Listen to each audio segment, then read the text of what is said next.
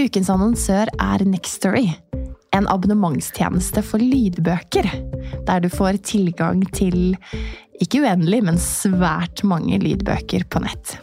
Å ja. Et helt univers, rett og slett. For meg har det passet perfekt nå i vinterferien. For da har jeg hatt ekstra tid eh, til å gå lange turer og lytte til bøker. Og så har jo vi en date i kveld, eh, Ingvild. Eh, vi skal på teater og se Anna Karenina. Så da bestemte jeg meg for å bruke Next Story for å lese gjennom den på nytt.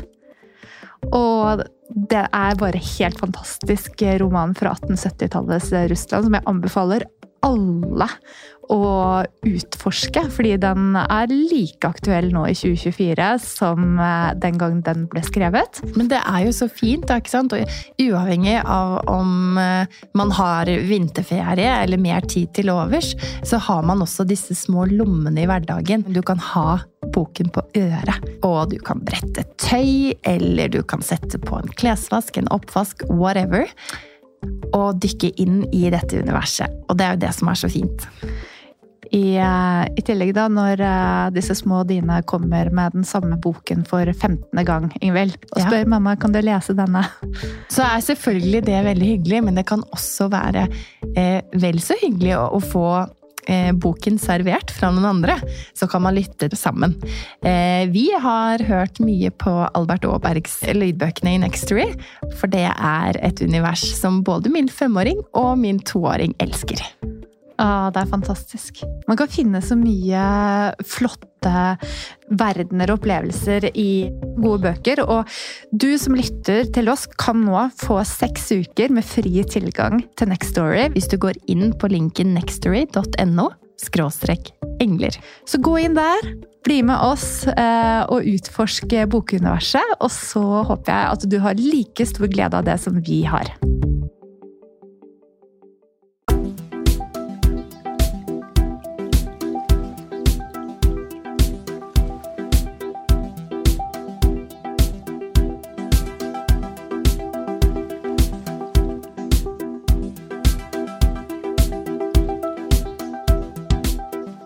Velkommen til Engler og hormoner. Inspirasjon og ny kunnskap om helse, selvutvikling og livsstil.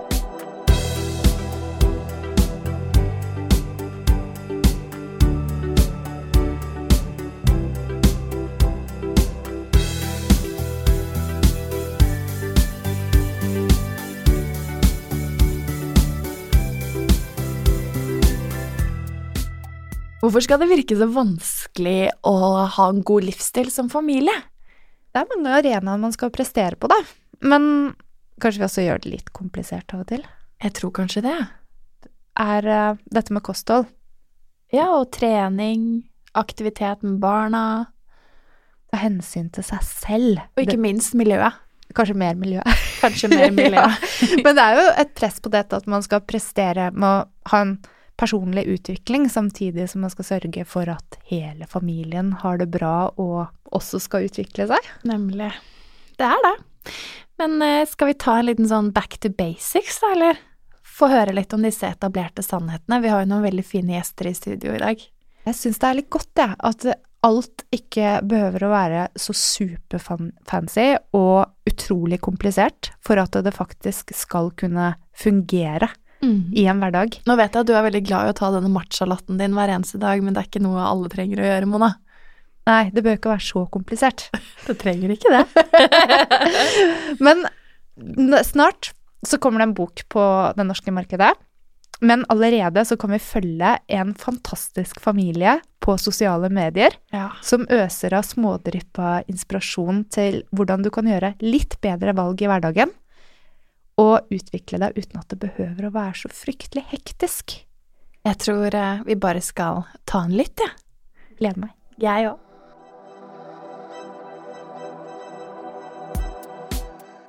Som dagens gjester så fint skriver i sin bok, som snart kommer ut på det norske markedet, det hele er en reise der man alltid bør være åpen for ny lærdom. Og det er jo hele essensen ved vår podkast. Vi vil være åpne for å lære mer på reisen. Så i dag ønsker vi å dykke ned i denne tematikken sammen med ekteparet, tobarnsforeldrene og arbeidspartnerne Ann-Kristin og Alexander Homdrum. Hjertelig velkommen til studio. Takk. Tusen takk for det. Dere er gründere av Natural Born Parenting. Ja. Hva er det? Nei, uh, Natural Born Parenting er vel egentlig uh, vår um, familiefilosofi, kan du kalle det, uh, gjort i um, bokform. Det er en slags rettesnor da, som vi, kan, som vi kan ha som familie og på en måte hele veien falle tilbake på. Da.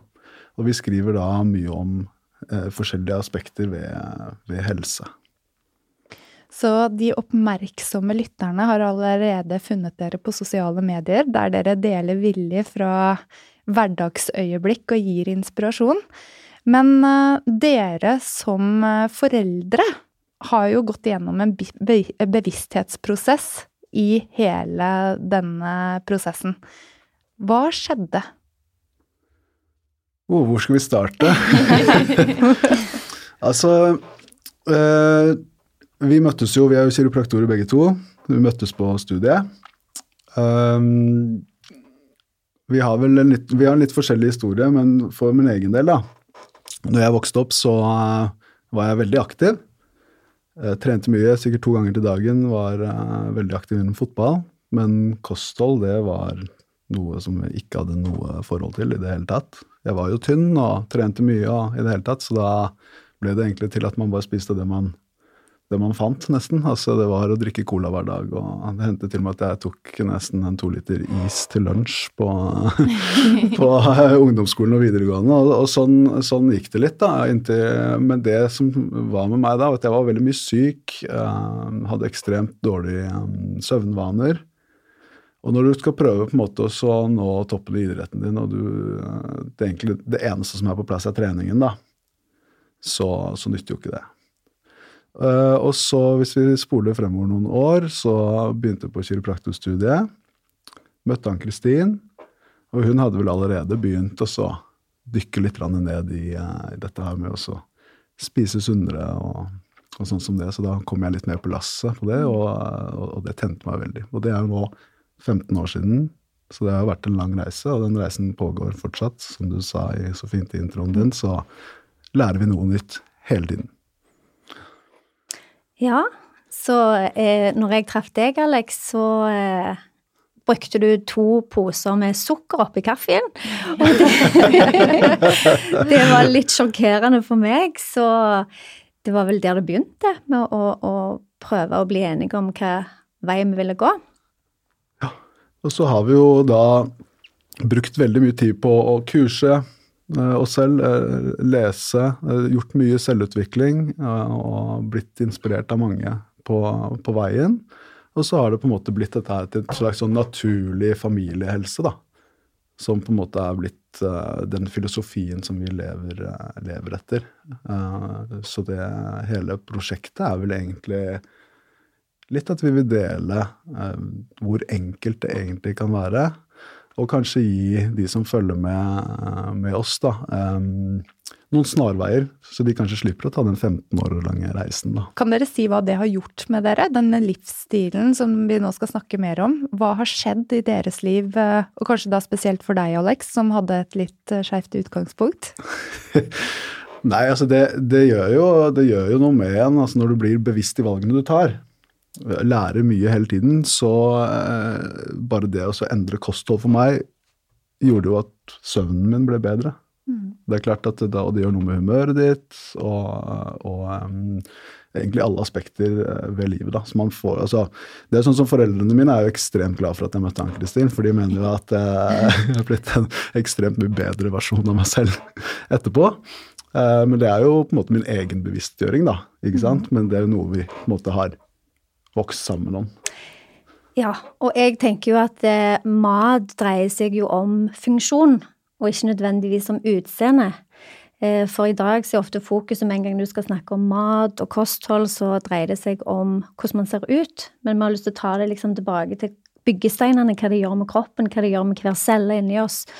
Og at dette er viktig for at et barn skal bli sunt og friskt. Og ikke minst hvis man tenker på hjernen, hva hjernen vår lagd av? Jo, det er en stor fettklump. Mm. Og hva er det hjernen vår trives best på? Det er jo kosthold av naturlig fett. Sant? Og da mener jeg ikke fett ifra McDonald's eller fett ifra kaker eller den type ting, men, med naturlig fett fra f.eks. avokado, nøtter og feite fisk og oljer og omega-3 og den type ting.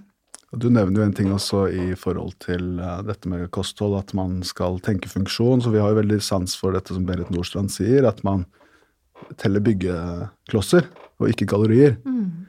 For veldig mye fokus egentlig på, um, på, helse, men også mye annet i livet, blir jo ofte sånn på hva, man, vi, hva vi, ikke skal gjøre. Ja. Istedenfor at vi fokuserer på hva det vi egentlig skal gjøre. Mm. Så ofte så når, når vi jobber med folk i klinikken f.eks., så prøve å endre kostholdsvanene deres, så er det jo det å begynne å legge til. ikke sant? Begynne å få litt farger på tallerkenen, f.eks. Um, ja. Om å spise regnbuen. Spise regnbuen. Mm. Mm, stemmer det. For det finnes jo en jungel av dietter og ulike råd der ute, og det er vanskelig å orientere seg. Og dere har jo ja, lang erfaring og kjent selv hvordan uh, riktig ernæring fungerer på kroppen. Så hva er, det, dere, de, hva er deres viktigste råd? Jeg tenker jo at eh, det viktigste hvis man vil ha en livsstilsendring, er å kanskje legge til istedenfor å ta vekk. For med en gang man skal ta vekk, så blir det mye mer utfordrende.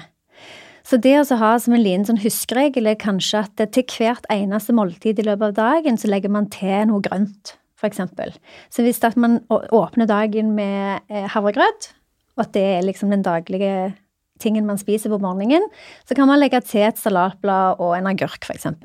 Også at man gjør det til hvert eneste måltid, så vil gradvis kroppen crave, ha lyst på det som er sunt. Og da vil man ha en lettere for å endre, istedenfor at vi skal ta vekk og prøve noe nytt og være veldig sånn sofistikert i, i, i, måten man tar valgene sine. Så jeg tenker at eh, å legge til et godt tips, og òg spise mye godt fett, som jeg sa innledningsvis, for det tror jeg mange av barn spesielt mangler. Og da tenker du på utvikling av nervesystem videre, eller? Absolutt. Mm. Så hjernen vår, fettklumpen i hjernen, eh, trenger fett for å utvikle seg, ikke sant? Eh, og man ser på hjernens funksjon, så er det vel kanskje det mange barn eh, mangler. Og det, hvis man peiler litt inn på dette med amming Hvis mors kosthold eh, ikke er godt nok, da, for mange tenker mer på barna enn de tenker på seg sjøl når de blir mamma, så glemmer man å spise eh, sunt og godt. Og da har man ikke det i sitt, e sitt, eget kosthold, så har man ikke noe å gi heller gjennom melka si. Så jeg tenker at det, det, er viktig å ha nok av alle vitaminer og mineraler og tenke på seg sjøl og ta tid til seg sjøl når man ammer. Mm. Det er jo ikke alltid at uh, man ser sammenhengen heller mellom det man putter i kroppen heller, ikke sant, og den funksjonen som man har, man har. Men jeg tror også en ting til som man kan legge til da, som et viktig råd, det er å ta ting steg for steg. For veldig ofte hvis vi tenker at vi skal gjøre man, man, Gjerne via sosiale medier og sånne ting, så ser man en verden som kanskje ikke er helt ekte, da. Og så sammenligner man seg med andre, og så kan det bli veldig overveldende. Mm. Og så får man på en måte aldri startet.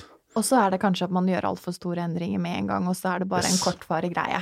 Ja, så Stemmer gjør det steg for steg. Og etter en stund, har, og man kan se tilbake, så har man faktisk gjort en veldig stor endring. Mm. Mm. Gode råd. Er det, er det noe dere ser at det å bli foreldre er noe som kickstarter en mer bevissthet rundt kosthold i familien? Ja, ja. og det med kanskje På grunn av at vi starta familielivet litt seint, vi var også godt ja, Jeg var vel 33 da jeg fødte mitt første barn. Og da eh, hadde vi hørt egentlig lang tid, kanskje ti år, eh, at eh, bare vent til dere får barn sjøl. Da skal dere se. De kommer til å si nei til grønnsaker. Eh, de kommer til å, å nekte. Eh, og bare vent til dere skal legge dem på kvelden, så blir det nekting. Men eh, jeg vil jo kanskje si at vi har vært bevisste og bevist det motsatte. Ja, altså det, jeg tror en av de tingene som, som, er bra for oss, da, er at vi, vi er på en måte enige om mange av de store poengene innenfor dette her med barneoppdragelse. Da. Og det var, vi, det var vi egentlig på forhånd. Vi, og, det, og, det, er egentlig et råd jeg vil gi de som skal bli foreldre, eller tenke på å bli foreldre. At man kanskje setter seg ned og faktisk snakker gjennom en del av de temaene, og så bli enige om en slags rød linje, da. Fordi at hverdagen kommer, ikke sant, og så blir man stressa. Og da kan man komme helt ut på sidelinja. Det gjør jo vi også hele veien. altså det er klart, sånn så, Sånt skjer jo. Men så har man på en måte en slags, som jeg sa tidligere, en rettesnor da, som man lever etter, som gjør at man fint kan hente seg inn. Og da er det jo enklere for oss å kunne snakke sammen og gi beskjeder til hverandre at eh, du, nå så jeg at du, eh, du gjorde det sånn, kanskje vi heller skal gjøre det på den måten. Det blir, altså Familielivet blir enklere på den måten. Gjerne med et team. Ja. Er det noen helt enkle, konkrete tips på okay, hvordan Altså, ukedagene, de går jo veldig fort. Hvordan er det man skal få tid til planlegging og mat og middager, og det er veldig fort gjort å gå for de der litt raskere løsningene, kanskje? Har dere noen svar på det?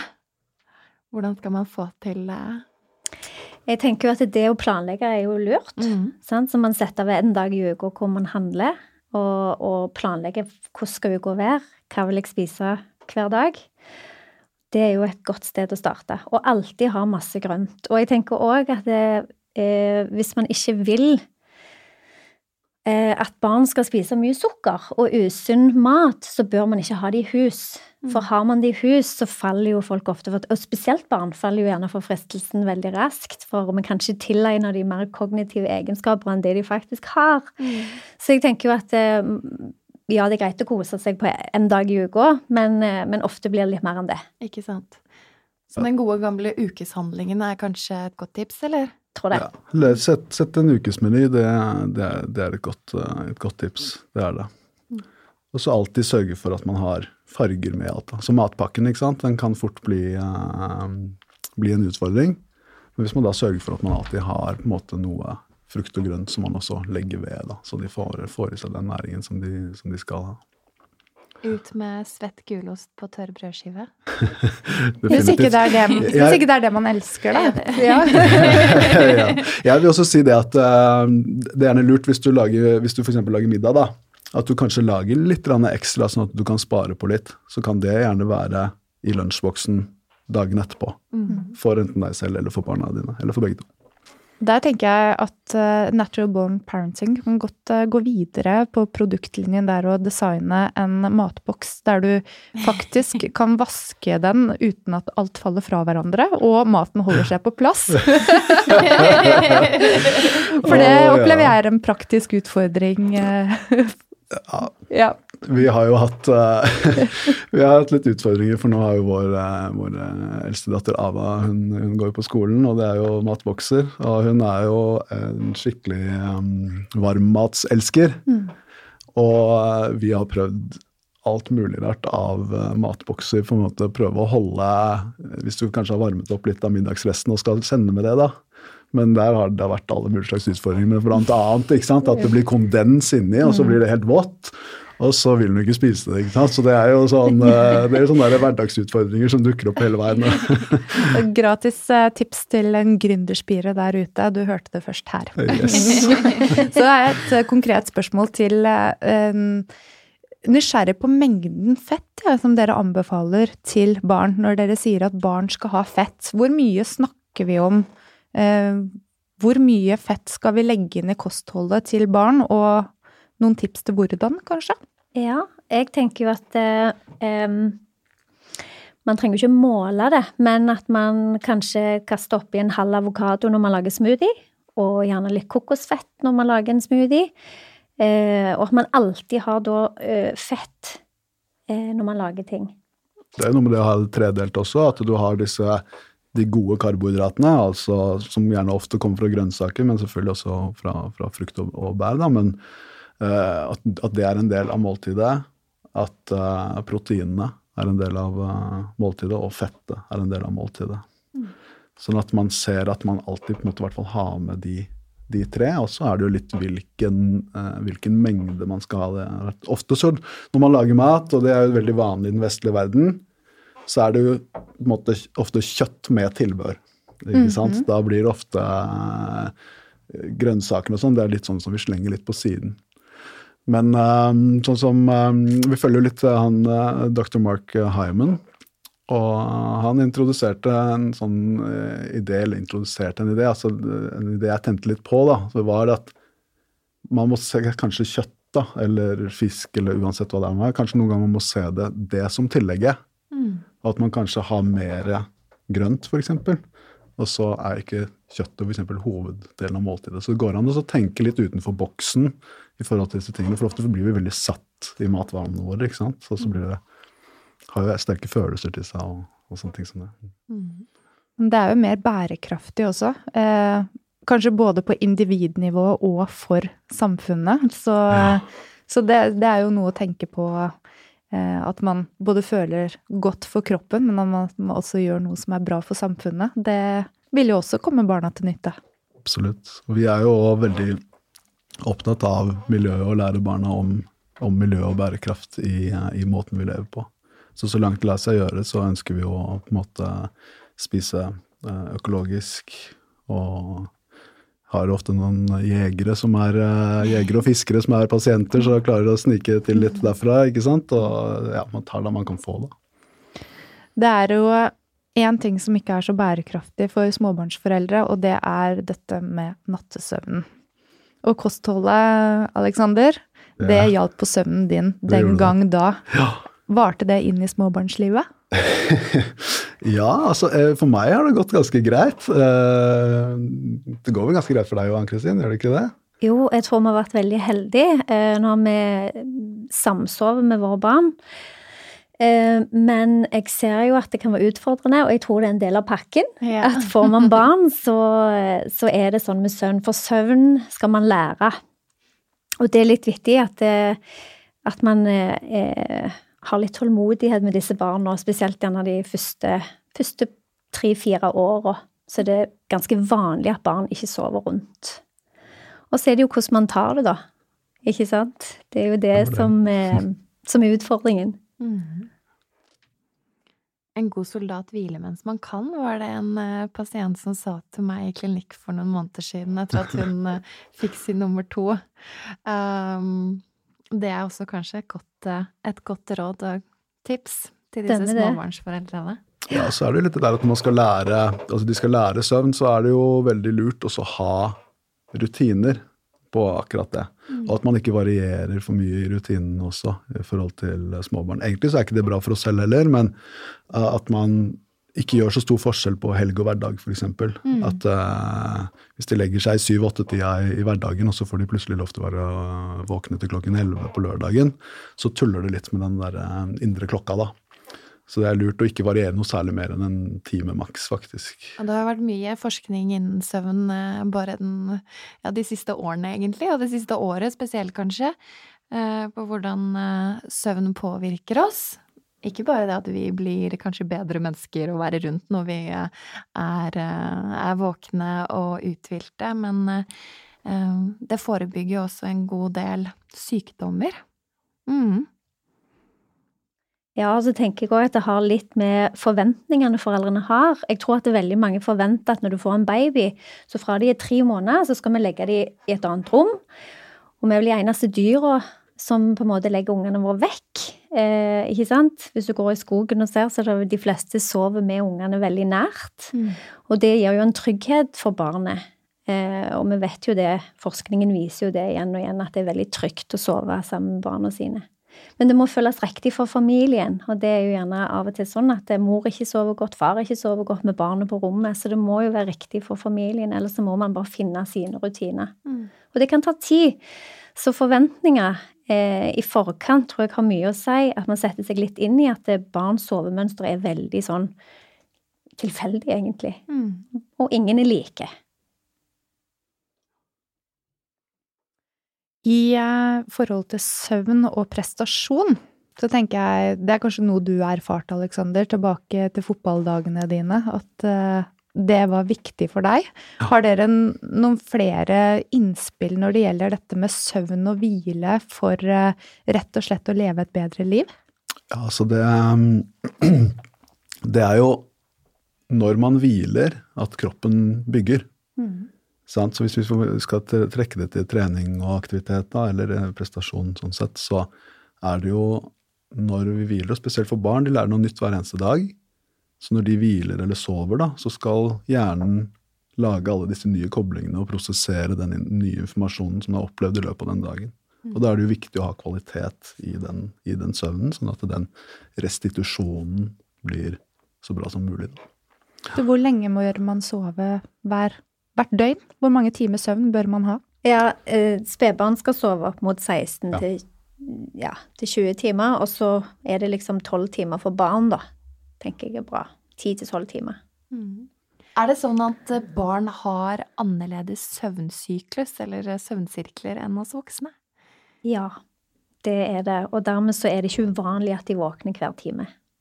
Det er jo kanskje greit for oss foreldre å vite, ja, så at man får litt mer forståelse. Og så skal de lære å sove gjennom på en måte disse oppvåkningene som vi egentlig òg har. Men vi på en måte gjerne bare snur oss rundt og sover videre, men et barn skal lære dette. Så jeg tenker at vi må være litt tålmodige med barnet. Mm. Fint tips. Hva anbefaler du å gjøre da sånn rent praktisk? Er det da å ligge inntil, eller tar dere opp?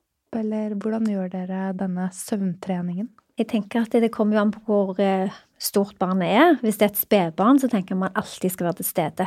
Og aldri forlate et barn som, eh, som gråter eller eh, prøver å lære noe nytt.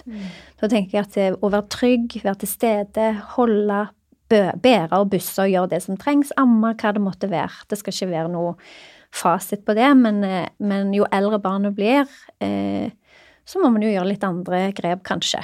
Mhm. Vi lever jo i en moderne verden hvor skjermbruk er eh, ja, noe man ser eh, mye av, også blant barn. Hvordan er det det påvirker eh, søvnen til barna? Eller vår søvn, for den saks skyld. Altså, den påvirker jo både vår søvn og, og barnas søvn, definitivt. Jeg vil si at dette med skjermbruk er jo en del av vår hverdag, så du får jo på en måte ikke tatt det vekk. Eh, Det, det skal du ikke heller gjøre, og det kan også være greit å ha en sånn liten escape hvor du på en måte ikke tenker på noen ting. Men det som kan være verdt å gjøre, er, eller som foreldre gjerne bør gjøre, er å ha litt satte tider og ha hva skal vi kalle det, regler på det. da. Um, sånn at man har, har litt kontroll. For spesielt i forhold til søvn. Hvis du ser på skjerm rett før du skal legge deg, så eh, er det noe som trigger oppvåkningsprosessen eh, i oss. Det er noe som heter blue light i en del av disse eh, skjermene. Og da vil du ikke få den kvaliteten på søvnen. Gjerne slite med å så sovne også. Og eh, vi ser jo også et stort problem nå med mange tenåringer. De har telefonen sin, de har iPaden eller Mac-en eller hva det skal være. Så skal de gå og legge seg. Foreldrene tenker gjerne at de sover, og så er det gjerne litt Netflix eller litt ditt og litt datt. ikke sant? Og så går timene utover eh, kvelden, og så skal de eh, skru dette av og sovne. Og så tar det en stund før de sovner, og så plutselig så er de jo, har de jo skåret flere timer av den søvnen de egentlig burde ha hatt. Da går det utover konsentrasjon og humør og ja, læring, ikke minst. Viktige poeng. Men eh, det finnes også flere. Nå er det vel sånn at man eh, har automatisk nightshift og, og sånne ting på, på iPhone, er det ikke det, Martin, produsent? Ja. Jeg har det bare hvert fall. Ellers er det også noe man kan laste ned på Mac-en, men det er ikke det som er eh, Det er, det er ingen snarvei. Absolutt ikke. Jeg vil bare skyte inn at eh, det er lurt å ha den siste timen før du skal sove skjermfri. Ja. Veldig godt råd. Og Ingvild, du er millennial, men jeg som er litt eldre, jeg tenker jo da at den gamle måten å gå tilbake til å kanskje lese en bok eller eh, gjøre noe som er litt mer rolig, og så kan være med på å skape en annen balanse før du skal legge deg. Og da er vi jo litt over på noe annet som dere skriver om i boken, nemlig dette med velvære, affirmasjoner, takknemlighet. Ja, det Ja. stemmer. Er det noe som kan komme inn eh, som en naturlig del av kveldsritualet hjemme hos dere også? Det gjør det hos oss, ja. Og det er et bevisst valg vi har tatt. Eh, så vi begynner kvelden kanskje med nattstell og leser ei bok. Og så prøver vi å si fine ting til den, in den indre dialogen. Da prøver vi å, å um... Stimulere, egentlig. Uh, det er jo noe med det der at du kan jo enten gjøre affirmasjoner eh, på, på kvelden. Det er sikkert, altså Jeg visste faktisk ikke hva affirmasjoner var, så jeg måtte google det. Ja, Positivt selvsnakk. Yes, stemmer det. Så det er eh, Hva skal man kalle det? Det er jo nesten en sånn programmering av den, eh, den indre dialogen din da, på en, en god, positiv måte. Og du skal jo da si tingene som om de allerede er der. Så det skal ikke eh, være sånn at og jeg ønsker at jeg skal bli stor og sterk, eller jeg vil være stor og sterk. Du skal på en måte si at jeg er sterk. Ja, den type ting, da. Så, eh, så, og så er det en annen ting i, eh, i den nattrutinen. Kan du også ta inn dette med takknemlighet, som du, som du nevnte. Ofte så vil vi gjerne kanskje gå gjennom tre, Dagens. tre, tre til fem ting i løpet av den dagen som de kanskje har vært takknemlige om, eller positive ting som har skjedd med de i løpet av dagen. da. Og det kan være helt enkle ting, eh, som hva er du takknemlig for i dag? Og ofte da er det jo at, eh, at jeg har venner, eller at jeg eh, bor i dette huset, kan de si, eller sant. Så det er enkle ting, men jeg tror det er viktig å sette fokuset på det. For det er nok negativitet, og da også finne fram til de gode ordene til seg sjøl. At det, 'jeg elsker meg', ikke sant. Jeg er glad i meg, jeg respekterer andre. At vi sier de ordene som er positive. Og dette får meg til å tenke litt på gleding, der vi har ei, venninne som eh, har skrevet en bok om gleding, Siri Abrahamsen. Og hun har skrevet om gleding og feiling og undring, barnebøker, som er helt fantastiske.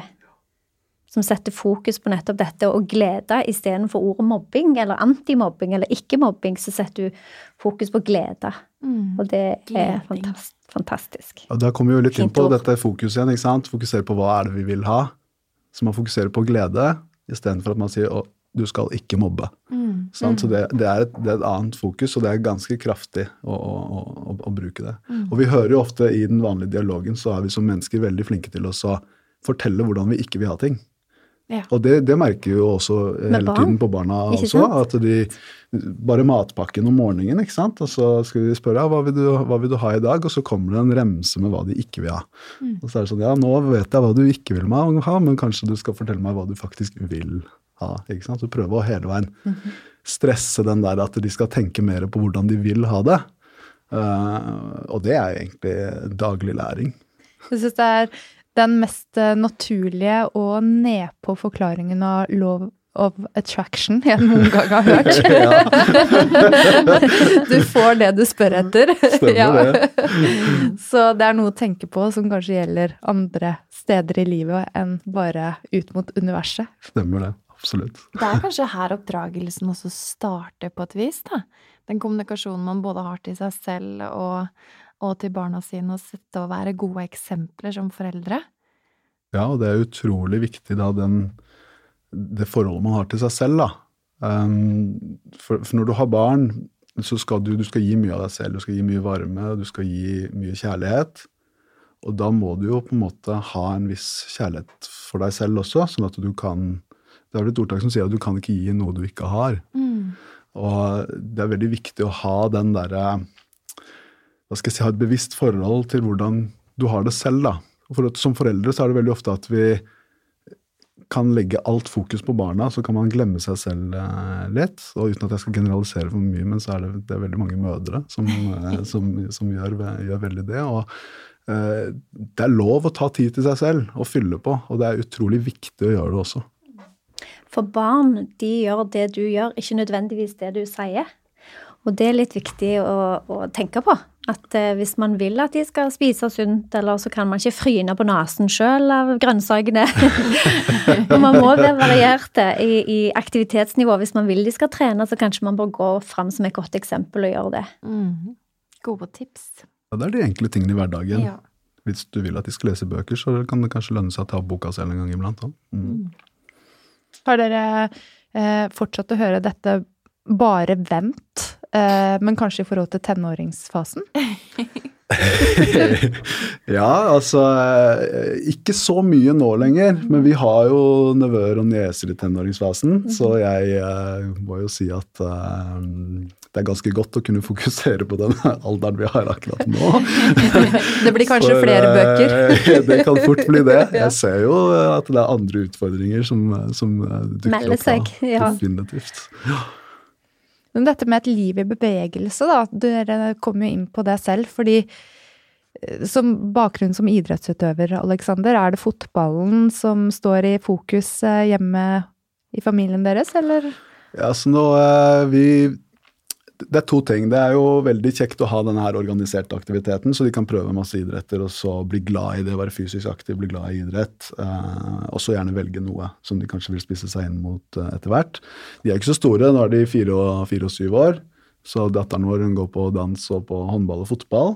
Så har de vel litt sånn selvforsvar på skolen, faktisk. Eh, ja, det er ganske kult. Og, og så um, sønnen vår, han går på turen, da. Eh, men det, en, en, annen ting i forhold til aktivitet som vi syns er veldig viktig, er at de får muligheten til å ha dette med fri lek. For da får de på en måte stimulert uh, kreativiteten sin, problemløsningsevnene sine. Den type ting. Så en kombinasjon av begge de er, er veldig, veldig bra. Mm.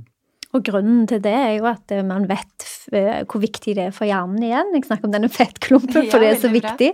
Og som kiropraktor så er jeg veldig opptatt av at hjernen skal ha god funksjon. Og da begynner vi allerede i spedbarnfasen med at eh, jeg vil at barn skal bli stimulert og ligge mye på magen, nettopp fordi at det, er det som stimulerer hjernen mest, det er jo ryggsøylens bevegelse. Og da vil jo ha magetid, sånn at man får på en måte stimulert ryggsøylas muskulatur, som igjen eh, stimulerer eh, frontallappen, som gjør at vi utvikler oss. Så derfor så begynner det jo allerede der, og så er det jo å gå videre da til idrett og, og andre typer fri lek, som er kjempeviktig. Når det gjelder denne magetreningen, Ann-Kristin, så er det jo veldig mange som er um, usikre på mengde. Ja, jeg, kan du si noe om det? Ja, og man skal òg eh, starte mageleie fra dag én.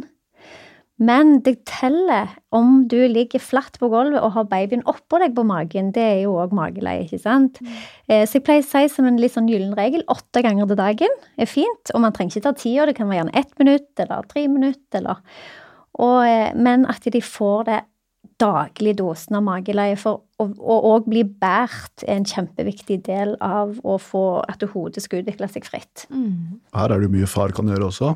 Bære de på underarmen, ha de på brystet, den type ting. Så dette er noe man fint kan dele på som familie.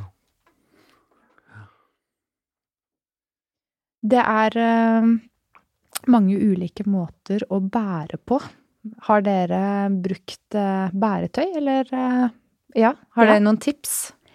Eh, bæretøy, både sjal og bæresele, syns jeg er fantastisk. Og i dag så har de jo utvikla veldig god kvalitet på disse bæreselene, sånn at du kan egentlig ha de helt fra de er spedbarn oppi disse bæreselene. Og det er fint, for da får de den tryggheten, den nærheten de skal ha, og det føles godt for både barn og mor, og, og kanskje far òg. Ja, absolutt. Jeg har eh, tida båret de små i bæresele, jeg, så det har egentlig vært veldig, veldig greit. Og da avlaster du jo mor og far sine skuldre og armer. Sant? For det kan jo fort bli mye.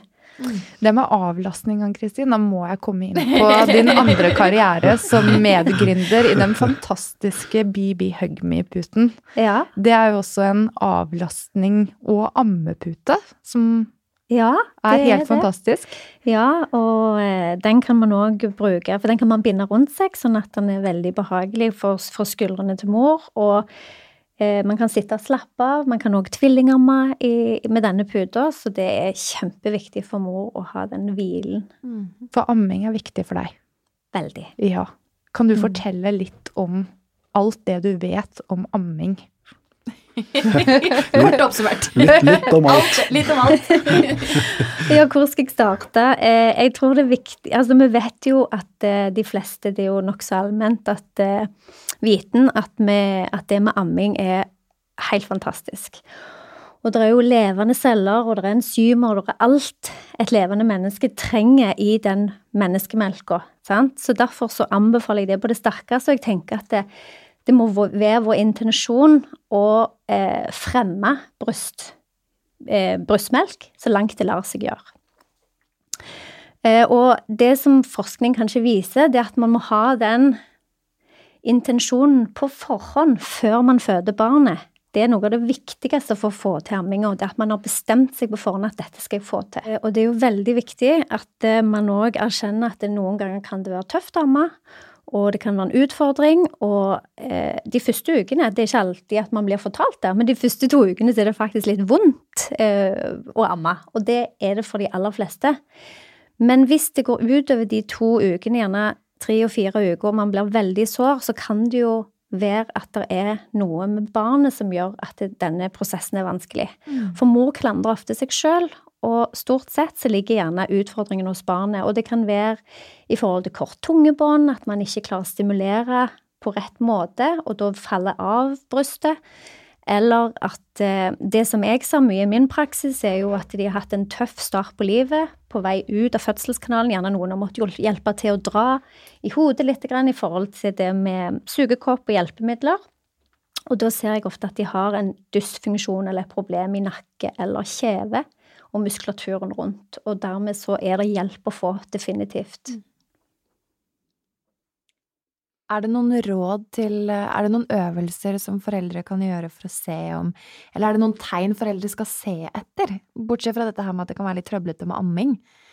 Ja, for eksempel hvis de foretrekker ett bryst, så kan det være den veien de ligger eh, med hodet som gjør det vanskelig på det ene brystet, for eksempel, for da har de smerter. Mm. Og da tar de pause eller gjør seg fort ferdig, ikke sant, fordi at de har smerter. Eh, det kan òg være at eh, de lager klikkelyd når de ammer. Eh, at de faller av. Og at det bare prosessen er vanskelig og vondt, at mor får såre brystvorter. Mm. Det er tegn på at det er et eller annet som kanskje bør ses på eller bli vurdert av en ammeveileder eller en barnekiropraktor. Og dette her med fri bevegelse i nakken, for at Veldig mange barn har jo denne favorittsiden sin, men det å ha fri bevegelse i nakken er jo kjempeviktig, som dere sier, for eh, den videre utviklingen også, ikke nødvendigvis bare for ammingen. Det stemmer. Og eh, eh vi ser jo faktisk dag, i dag at det er veldig eh, mange som kommer inn med flatt bakhode. Og det er jo fordi at de har ei favorittside eller ligger Og kan være at de ligger for mye på rygg mm. og får for lite stimuli i mageleiet. Men, eh, men har de eh, ei favorittside, så er jo det ofte et tegn på at det kan være noe eh, dårlig funksjon da, i, i øvre del av nakken, eller lenger ned i ryggsøyla, for den saks skyld. Mm -hmm. Dette her kjenner jeg kunne vært en helt egen episode, ja, Mona, men vi skal kanskje ikke komme så mye mer inn på dette. Jeg tror kanskje vi skal få Ann-Kristin tilbake og snakke om amming og hennes andre spesialfelt eh, innenfor kiropraktikken. Men eh, det som fascinerer meg når jeg sitter og hører på dere, og det, også når vi så boken, er jo at dette er et helhetlig konsept. Og det er så befriende at, at det heller ikke er bare én ting som er den hellige gral, men at dere er nysgjerrige. Eh, og det Dette med inspirasjon til å leve et liv i utvikling, kan dere dele med oss litt hvor dere henter det fra? det kunne nesten vært en egen eh, episode, det òg. Ja.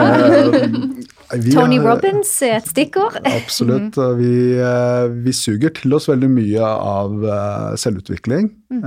Vi du nevner Tony Robins, Robin Sharma, John Di Martini.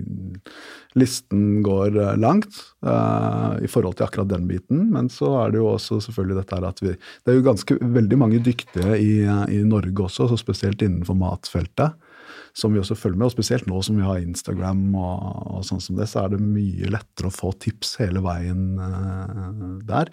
Vi selv så er vi del av en gruppe som heter Helsekanalen, som er en, en haug med hva skal vi kalle det, influensere eller mikroinfluensere som uh, går sammen. Og det og snakker mye om mat og, og, og, den type ting. Vi har jo, For å starte det prosjektet her, sånn, så har vi har en mentor i uh, USA som heter uh, Fabrizio Manzini. Han, han er kiropraktor, men han er egentlig mer blitt en, en Love doctor. Dr. Dr. Love. er en veldig varm, veldig varm person, eh, men, eh, men, han har hjulpet oss masse. Han har jo skrevet masse bestselgende bøker eh, også, og da blir man jo hele veien introdusert for mennesker som har gjort ekstraordinære ting. Og, og da skjer det noe med en. Altså, det er akkurat som at skylappene på en måte forsvinner litt, og du blir mye mer åpen. Så du blir også mye mer åpen for det å være sårbar. Mm. Og også åpen eller klar for det å komme med et budskap og tørre å stå i det. da. Sånn at du, du, får ta den kritikken du får, for den vil alltid komme. Du kan ikke glede eller I hvert fall kan ikke treffe alle. det vil alltid være noen som ikke syns at dette her er for de i det hele tatt, og det er helt greit. Så, og, og, det er noe med det å erkjenne det at det er helt greit, for vi har jo noe med det i oss gjerne at man vil bli likt av alle, ikke sant. Mm. Og bare det å kunne legge det litt til side er veldig befriende. Ja, og så Det er jo litt av grunnen til at vi har skrevet boka på engelsk, sånn i utgangspunktet, for at vi ville nå det nordamerikanske markedet sånn først og fremst. Men nå har vi sett en stor interesse her i Norge, så nå er vi i ferd med å skrive boka på norsk, eller oversette boka, og gi den ut på nyåret. Så det gleder vi oss veldig til. Norge kommer etter. Ja. ja, det gjør det. Vi, altså, vi, har, vi, er i dialog med forlag, og det blir veldig spennende. Ja. Vi gleder oss i hvert fall veldig. Ja. Og dere er jo også selv veldig inspirerende å følge opp på Instagram. Eh, og dere har en hjemmeside som er på vei til å bli bygget opp veldig bra også. Så følg Natural Born Parenting i sosiale medier. Det er i hvert fall et godt råd fra oss, Mona. Jeg eh, vil gjerne fortsette å bli inspirert. Og vil si i dag at jeg er takknemlig for at dere har gjort denne jobben, slik at vi kan følge dere og lære så mye. Og eh, vi er takknemlige for at dere tok turen innom studio i dag for å dele av eh, erfaringer og kunnskap. Og så gleder vi oss til å lese mer i boken når den kommer. Det er så godt å eh, kjenne og høre at alt ikke trenger å være så vanskelig og komplisert. Jeg tror kanskje man har en tendens til å se på disse perfekte menneskene i sosiale medier og tro at de gjør noe ekstraordinært hvert eneste sekund av dagen. Og så er det kanskje bare disse etablerte sannhetene som vi alle egentlig kan ganske godt, eh, som gjelder. Men det er lett å glemme, da. Bare det å sove nok og spise sunn mat. Mm. Det kan lett skli ut. Og hvor viktig det er for, uh, for utvikling. Jeg syns i hvert fall det å si noe pent til seg selv mm. hver eneste dag, det er noe som jeg virkelig må være oppmerksom på å ta med meg selv.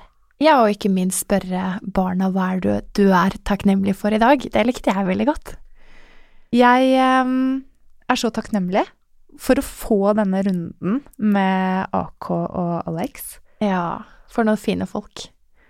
Og uh, ikke minst så jeg er takknemlig for at du som lytter er med oss i dag. Og jeg håper at du kan bli med oss videre inn på iTunes. Trykk gjerne abonner, og vi blir så takknemlige for de av dere som tar dere tid til å sende oss en liten anmeldelse og gi oss en rating med stjerner i iTunes.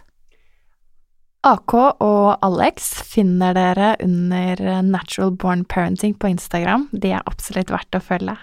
Og eh, vi deler også litt fra deres hverdagsliv denne uken på vår Instagram at engler og hormoner. Ha det bra! Ha det bra!